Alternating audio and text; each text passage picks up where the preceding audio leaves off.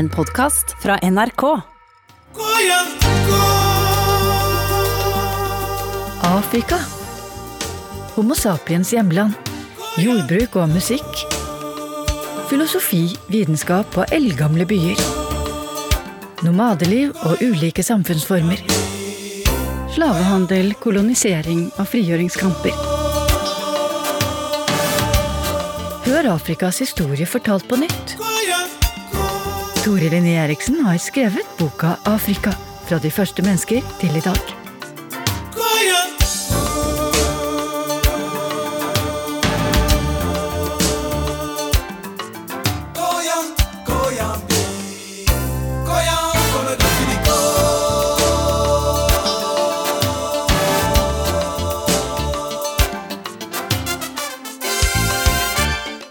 Slutten på første verdenskrig hadde satt store deler av befolkningen i en elendig situasjon. Kvegpesten fra 1880-tallet hadde skapt omfattende matmangel, og krigen hadde krevd livet til så mange som en million afrikanere, en krig drevet av kolonimaktene. Nå håpet de på en frigjøring, men i stedet fortsatte koloniseringen. Også nordmenn var involvert, som vi nå skal høre mer om. Lokalbefolkningens frigjøringsforsøk ble slått ned i tur og orden. Forhandlingene etter krigen ble en enorm skuffelse, forteller Torlinni Eriksen. Noen hadde jo håpet, f.eks. Egypt hadde håpet at deres store innsats innenfor det britiske imperiet skulle belønnes med økt selvstyre. De fikk ikke delta under forhandlingene i Paris og Versailles. Det ble skapt en stor nasjonal bevegelse i Egypt. Store demonstrasjoner ledet av den kjente egyptiske feminist og kvinneforkjemper Huda Sarawi, som jo var en av de ledende internasjonale feministene. Og vi så i andre deler av Afrika hvor folk ble skuffet. De kom tilbake fra krigen, var fattigere enn de hadde vært før. På toppen av dette bredde nå den såkalte spanskesyken om seg, og den rammet den afrikanske befolkningen spesielt hardt. Med den store folketallsnedgangen, den demografiske krisa, kom jo den store internasjonale influensaepidemien, som helt feilaktig kalles for spanskesyken, som hadde opprinnelse i USA, og som rammet de som kom hjem fra krigen. Det var jo veldig mye gjennom soldater at dette ble spredt. De kom hjem fra krigen. Og som andel av befolkningen så er det ikke mange områder i verden hvor så stor mange døde av denne influensaen som i Afrika. I forhold til folketallet i hvert fall tre ganger så mange som i Norge. Og enkelte områder enda mer hardt rammet. Og, Hvorfor så hardt rammet? Nei, Dels fordi at de hadde lav immunitet, helsevesenet var så dårlig, og fordi at det var så mye forbindelser der hvor det var handel og folk tett på tett, og gjennom krigene. I Norge var det minst smitte i de områdene som hadde minst kontakt med resten av landet, f.eks. i Nord-Norge.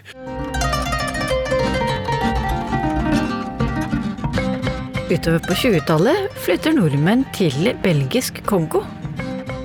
For du skriver jo da i boka di Afrika, Tore Linné Eriksen, at 170 nordmenn dro til kong Leopolds regime i Kongo. Ja. I tillegg til misjonærer. Hvordan kom dette i gang? Nei, det var jo også slik at uh, den uh, staten som kong Leopold hersket over, som jo i ettertid er nok det mest brutale av alle kolonisystemer, hvor enkelte anslag går ut på at ja, halvparten av befolkningen, si ti millioner mennesker, døde av sult, sykdom, overarbeiding og, og massakrer. Og hvor hele Formålet her var å hente ut så mye rågummi som mulig, og de som ikke oppfylte kvotene sine rundt omkring i ulike lokalsamfunn, de fikk kappet hendene av som straff. Og her rekrutterte de jo andre fra andre europeiske land. Og, og her var det jo da jurister som var med her, og det var norske sjøfolk innover på på Kongofloden, og det var misjonærer. Og de gjorde altså tjeneste i denne mest brutale og undertrykkende kolonisystemet. Og de fleste mente selv at det var en helt en viktig handling, og ikke på noen måte kritikkverdig. I boka Skandinaver i Kongo avviste den danske oberstløytnant Jensen Tusch at afrikanere ble dårlig behandlet. det er snarere en viss tilbøyelighet til for overdreven hensynsfullhet mot mange sorte slyngler. Sitat fra boka di, Tore Linni Eriksen, hvordan øh, ble dette formidlet i Norge, da? Det sto De skrev uh, ofte artikler i norske aviser uh, som fortalte om hvor viktig gjerning de gjorde i den vestlige sivilisasjonens navn. Wilhelm, eller Bille og Bær, som kom fra en kjent norsk akademikerfamilie, han skrev avisartikler i Aftenposten hvor han sa at afrikanere hadde ikke de hvites fløyelshud, og tålte derfor både tvangsarbeid og piskestraffer. Og, og Aftenposten skrev altså at grunnleggelsen av Kongostaten betraktes som en av de skjønneste koloniale begivenheter i det foregående dette århundret, og utvilsomt har kong Leopold her hovedfortjenesten. Eh, det var eh, den norske holdningen. Vi ser også ja, Var det uvitenhet, eller nei, var det bare Nei, dette var en jobb. Det var spennende, det var godt betalt. For en del eh, underoffiserer så kunne man stige i gradene. Men når man da ser begrunnelsen deres, at dette var en skjønn kolonial begivenhet, Eh, at eh, de tålte, de gjorde ikke noe med tvangsarbeid og piskestraffer, for de hadde annen hud eller annen hjernekapasitet. Mm. Eh, og denne Bille Aubert, som stiftet Den konservative studentforening i Oslo, han holdt et foredrag i Norske Studentersamfunn. Hvor han sa at negerens umåtelige ordgyteri bunner i hans tomme hjerne. Når var dette? Dette var i 1907 det foredraget eh, ble holdt, eh, på basis. Men vi ser det samme. Eh, det var i Sør-Afrika. Var det jo slik at det første betydelige området i det norske Misjonsselskapet var Zulu-misjonen, eh, slik at Afrika var også en tidlig misjonsmark. Men Sør-Afrika var også av interesse for eh, norske bosettere, eh, og for norsk skipsfart og andre norske selskaper, og var jo en viktig base i forbindelse med hvalfangsten ved det forrige århundreskiftet innover i Sør-Georgia bl.a. Vi ser det i Mosambik Eh, som da var en portugisisk koloni. Der ble jo deler av området liksom lagt ut til store utenlandske selskaper. Og ett av dem, Madal-konsernet, ble etter hvert norsk. Og det konsernet eksisterer eh, fortsatt. Og de, hadde, de brukte titusener av arbeidere nærmest som slaver. De tvangsrekrutterte en del og sendte dem til eh, sørafrikanske gruer og fikk godt betalt for det. Og, og dette var på mange måter hvis vi ser på de familiene som var med og hadde investert i dette, så er det nesten som å ramse opp liksom norske overklassen. De het eh, med aksjer, de het Tams og Treskov og Fearnley, og var på mange måter sterke norske økonomiske interesser. Og fått gater ja. oppkalt etter seg. Ja, ja. Mange nordmenn kom tilbake med store mengder kunst og andre gjenstander som var kjøpt billig eller anskaffet på mindre ærefulle måter, kan vi lese om i boka Afrika.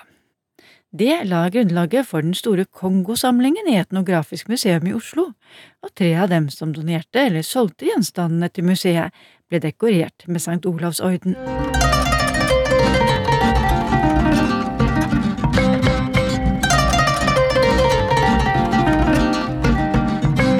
Eh, Kenya er jo også et eksempel. Kenya er jo et land det eneste landet i Øst-Afrika som i, i, veldig sterk grad eh, hadde europeisk bosetting, hvor de da tok jord som tilhørte afrikanere. Kenya var en settlerkoloni. Det innebar at europeere overtok jorda og bosatte seg der. I Kenya skjedde dette på det fruktbare høylandet. Til å begynne med ble settlerne garantert å eie jorda i 99 år, men dette ble senere utvidet til 999 år. Ingen tenkte seg at kolonitiden en gang ville ta slutt, skriver Tor Linné Eriksen i boka si Afrika.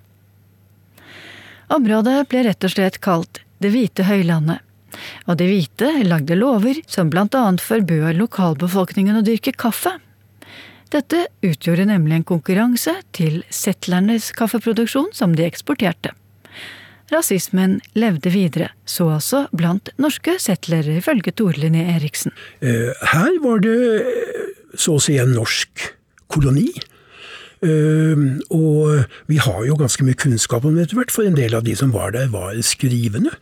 En som hadde giftet seg inn i en slik familie som hadde en stor farm, ble en, på 1930-tallet en ganske kjent uh, forfatter, Sonny Krag, som også skrev barnebøker, spennende bøker om jakten på diamanter.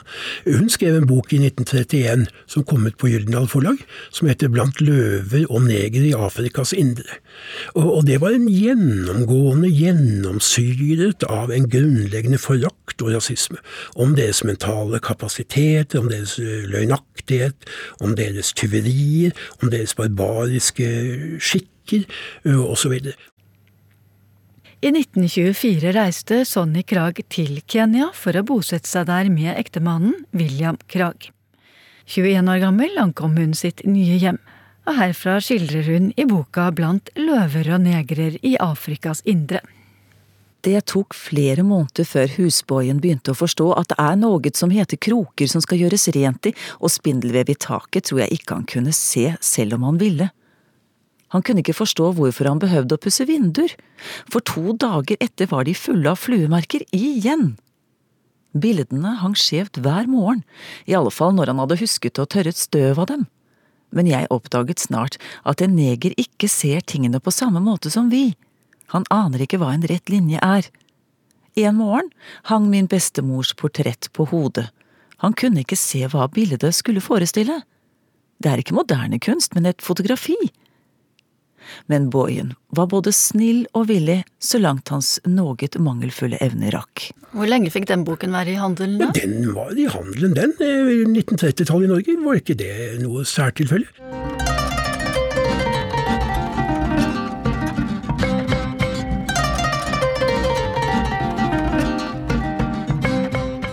Hvordan levde lokalbefolkningen opp mot kolonistene? Aksjoner rettet mot skatter og avgifter er et gjennomgangstema over hele Afrika i mellomkrigstiden.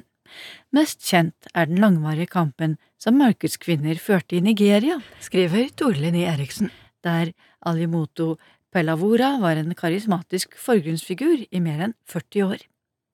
Den store oppstanden i Aba i 1929 illustrerer også hvor stor frykten var for at en ny skatt også skulle legges på kvinner. 15. desember 1929 samlet tusenvis av kvinner seg utenfor kontoret til britenes District Officer i Calabar, som ligger i det sørøstlige Nigeria. Da det oppstod uro, nølte ikke innkalte tropper med å løsne skudd. 39 kvinner og en mann ble drept umiddelbart, og under tilbaketrekkingen druknet åtte i elva rett ved. Mange flere lå såret igjen, flere av dem alvorlig, og alle var i sjokk. Det som offisielt fikk navnet Aba Riots etter landsbyen der det startet, er nå kjent som Ogo Ominwani, eller kvinnekrigen.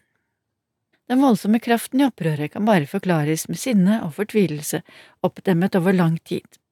Både den første verdenskrigen og den påfølgende influensaepidemien hadde gjort stor skade. 1929 var dessuten starten på den økonomiske verdenskrisen, som i Nigeria særlig rammet kvinner som drev handel og omsatte palmeolje. Men det var ikke bare spørsmål om penger. Blant kravene var også at kvinnene skulle få innflytelse over utnevning av høvdinger, sammen med lettere adgang til både tradisjonelle og moderne domstoler. Innkreving av skatt for kvinner ble utsatt inntil videre. Blodskatt var et begrep der koloniherrene trengte stadig lenger inn i flere lokalsamfunn for å skaffe penger og ressurser, forteller Tore Linné Eriksen. Ved å rekruttere, ofte med tvang, afrikanere, så måtte afrikanere da betale det de kalte for blodskatt. Eh, og det var opprør. Mm. i oppstanden i eh, Vest-Afrika, den store oppstanden i Malawi, Chilemve-oppstanden, alt dette ble slått ned.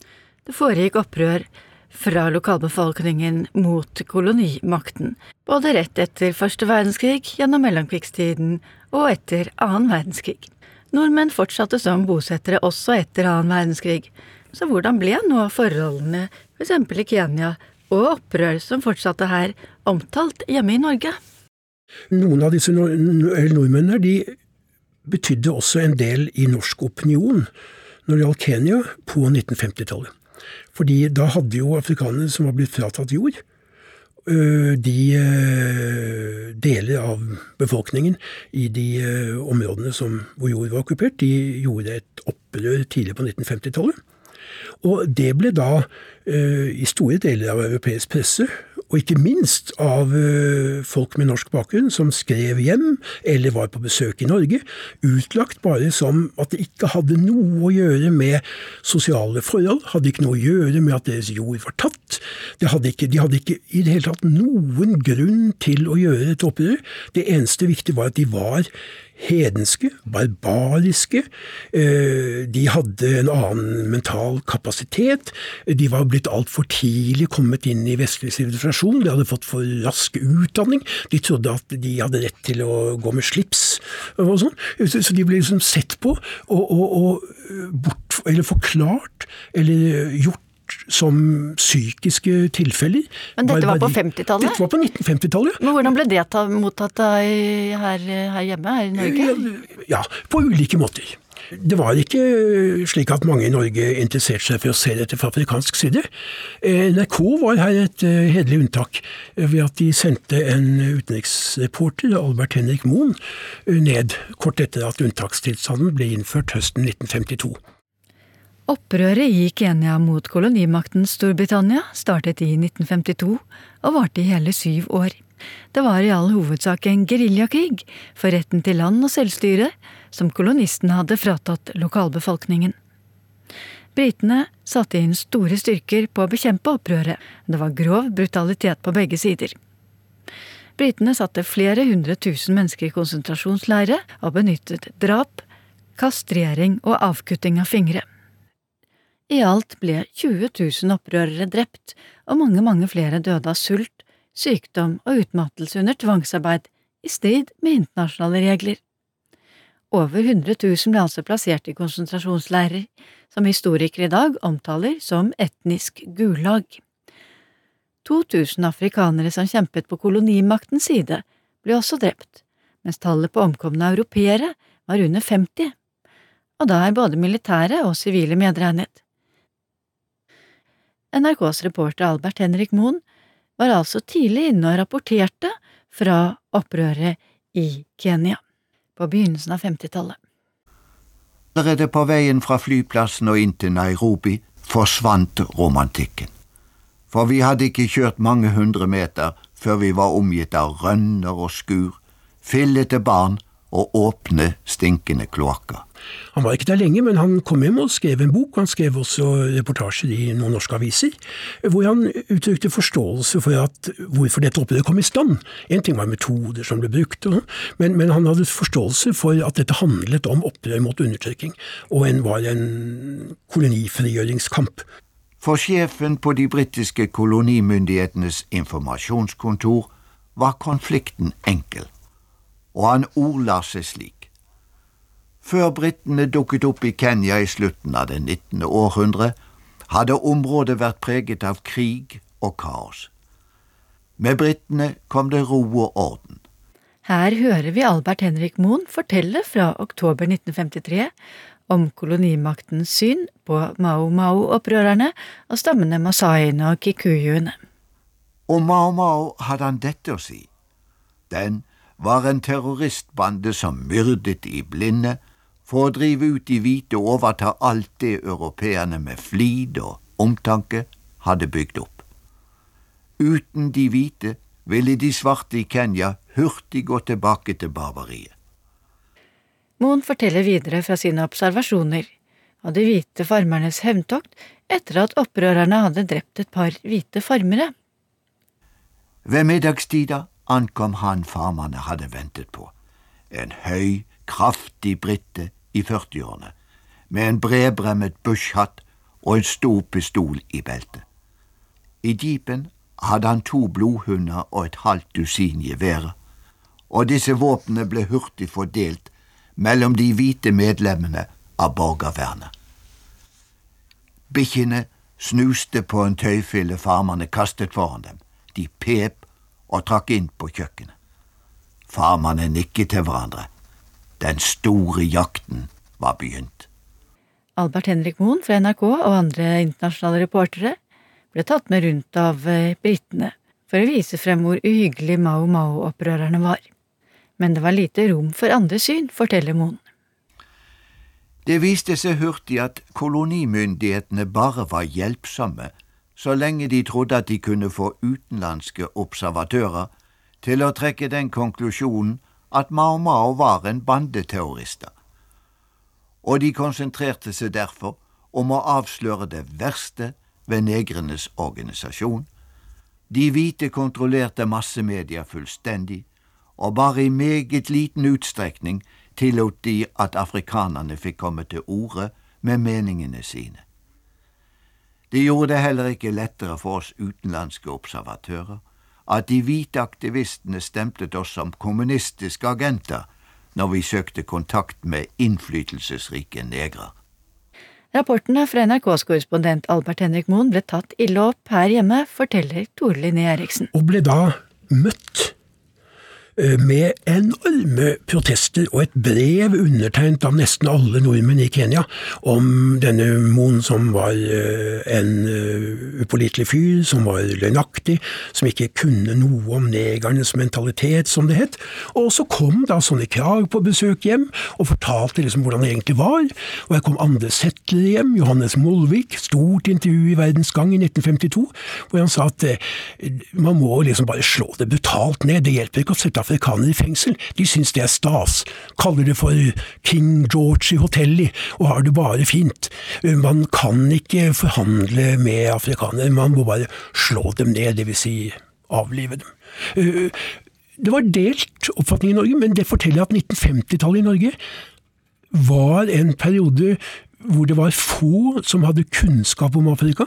Men eh, jeg har gått gjennom eh, store deler av eh, norske aviser i den perioden, og de er litt sprikende. Men de fleste telegrambyråer som de hadde stoff fra, var jo britiske.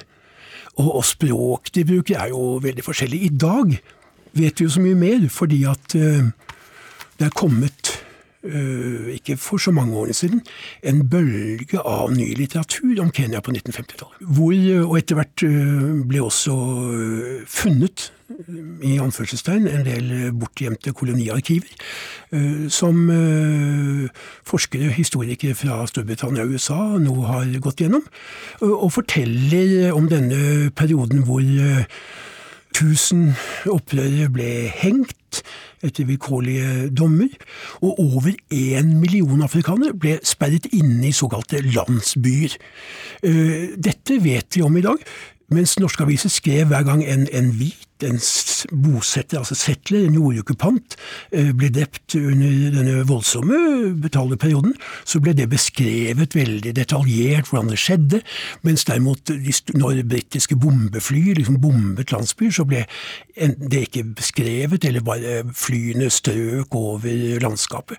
Eh, så dette brutale terrorregimet som britene stilte opp med, er nå for alvor blitt eh, klart Eh, klart eh, dokumentert. Og stiller da på mange måter i relieff den informasjonen som blir gitt i Norge, og den rolle som eh, den norske kolonien på en måte spilte med å forme det norske Afrikabildet. En, en veldig skremmende periode. En, kanskje Kenyas, eller i hvert fall en av Afrikas aller fremste historikere, Betwell Ogot, han fortalte i et intervju at han var i Norge på et besøk i den tida. Han studerte i Storbritannia, hadde et lite stipend og var innom Norge, og var helt forskrekket over norske holdninger og norske massemedier.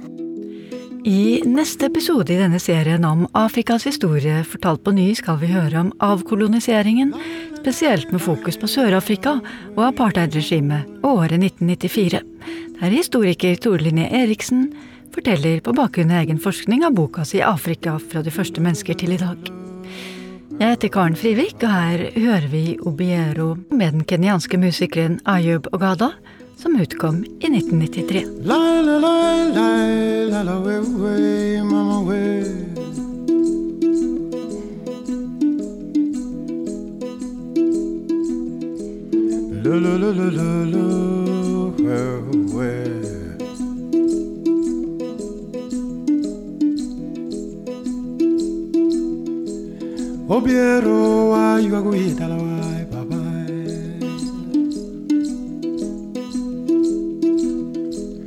obiero wanto wane wa yuago ye dalawai babai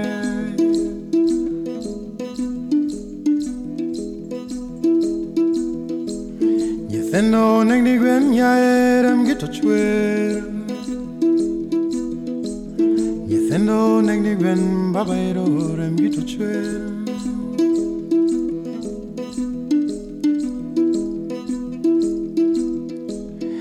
Obilo luiga gibunde toki dao. Obilo luiga gibunde toki dao oh, papai. On diega boro ero luoni dara nene rabet.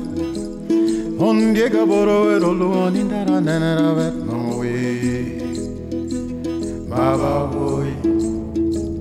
Away.